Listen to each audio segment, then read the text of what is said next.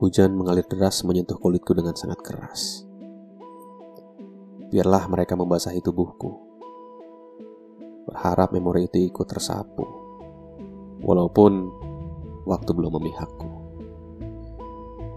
Sudah satu tahun kau menghilang, menyisakan kenangan yang sangat membekas dalam ingatan. Padahal hanya satu kali kita bertemu, sama-sama asing namun kau berhasil membuat malamku berwarna. Kau bilang akan menghubungiku lagi. Tapi mana? Kau pembual ulung yang bersekongkol dengan waktu untuk menciptakan ekspektasi tinggi sehingga membuatku hancur berkeping-keping. Sampai suatu saat, layar Facebookku memperlihatkan suatu pemandangan momen kebahagiaanmu bersama lelaki lain di Jogja. Aku teringat pertama kali kita berkomunikasi, saling menyebutkan nama, hobi, dan basa-basi lainnya melalui Facebook. Yang kemudian kita saling tukar nomor telepon. Ya, namamu Rina. Ketika itu, Kau bilang sedang lapar. Lalu kau mengajakku makan pecel lele yang letaknya tidak jauh dari kantorku. Di situlah pertama kali kita bertemu. Kau mengenakan jaket hijau tua dan celana coklat muda. Itu terlihat cocok dengan kulitmu yang berwarna cerah. Dihiasi dengan tahi lalat kecil di sudut kanan bawah bibirmu dan rambut keriting panjang membuatmu tampak sederhana. Ayam goreng dan teh manis panas sama-sama kami pesan. Katamu, aku samain aja deh dengan kamu. Aku lelaki yang canggung, belum banyak mengenal wanita.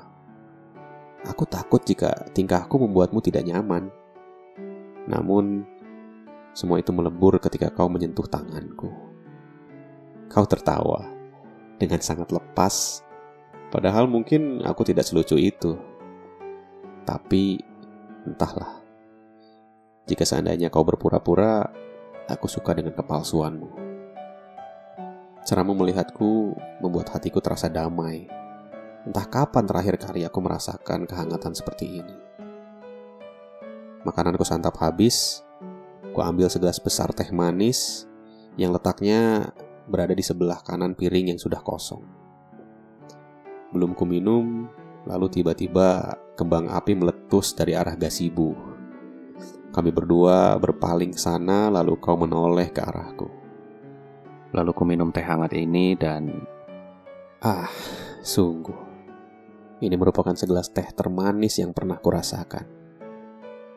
Lalu ku antarkan kau pulang dengan berjalan kaki sambil berbincang dan menikmati hembusan angin malam ditemani gemerlap lampu yang menghiasi jalanan kecil ke arah rumahmu. Lalu kau beranjak masuk rumah dan sambil membuka pintu, kau tersenyum ke arahku. Senyuman yang mengisyaratkan jika hari esok kita akan bertemu lagi. Namun kenyataannya, kau menghilang tanpa pamit. Tanpa diduga, kau membalas pesan Facebook yang kukirim satu tahun lalu tentang mengapa kau tiba-tiba menghilang dan menikah dengan orang lain. Apa memori itu bagimu? Apa aku hanya hiasan belaka bagimu? Untuk apa kau mengukir memori yang indah denganku? Jika kenyataannya kau memiliki lelaki lain di hatimu. Tapi jawabanmu berputar-putar, diiringi dengan permintaan maaf. Lalu kau bercerita tentang kehidupan rumah tanggamu yang tidak berjalan mulus. Kau bercerita tentang bagaimana kau diperlakukan secara kasar oleh mantan suamimu. Dan memberitahuku jika sekarang kau sudah kembali ke Bandung.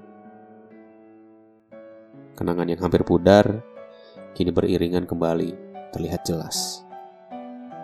Seakan ini jawaban dari kerinduan yang sudah kutahan satu tahun lamanya. Tapi Sudahlah.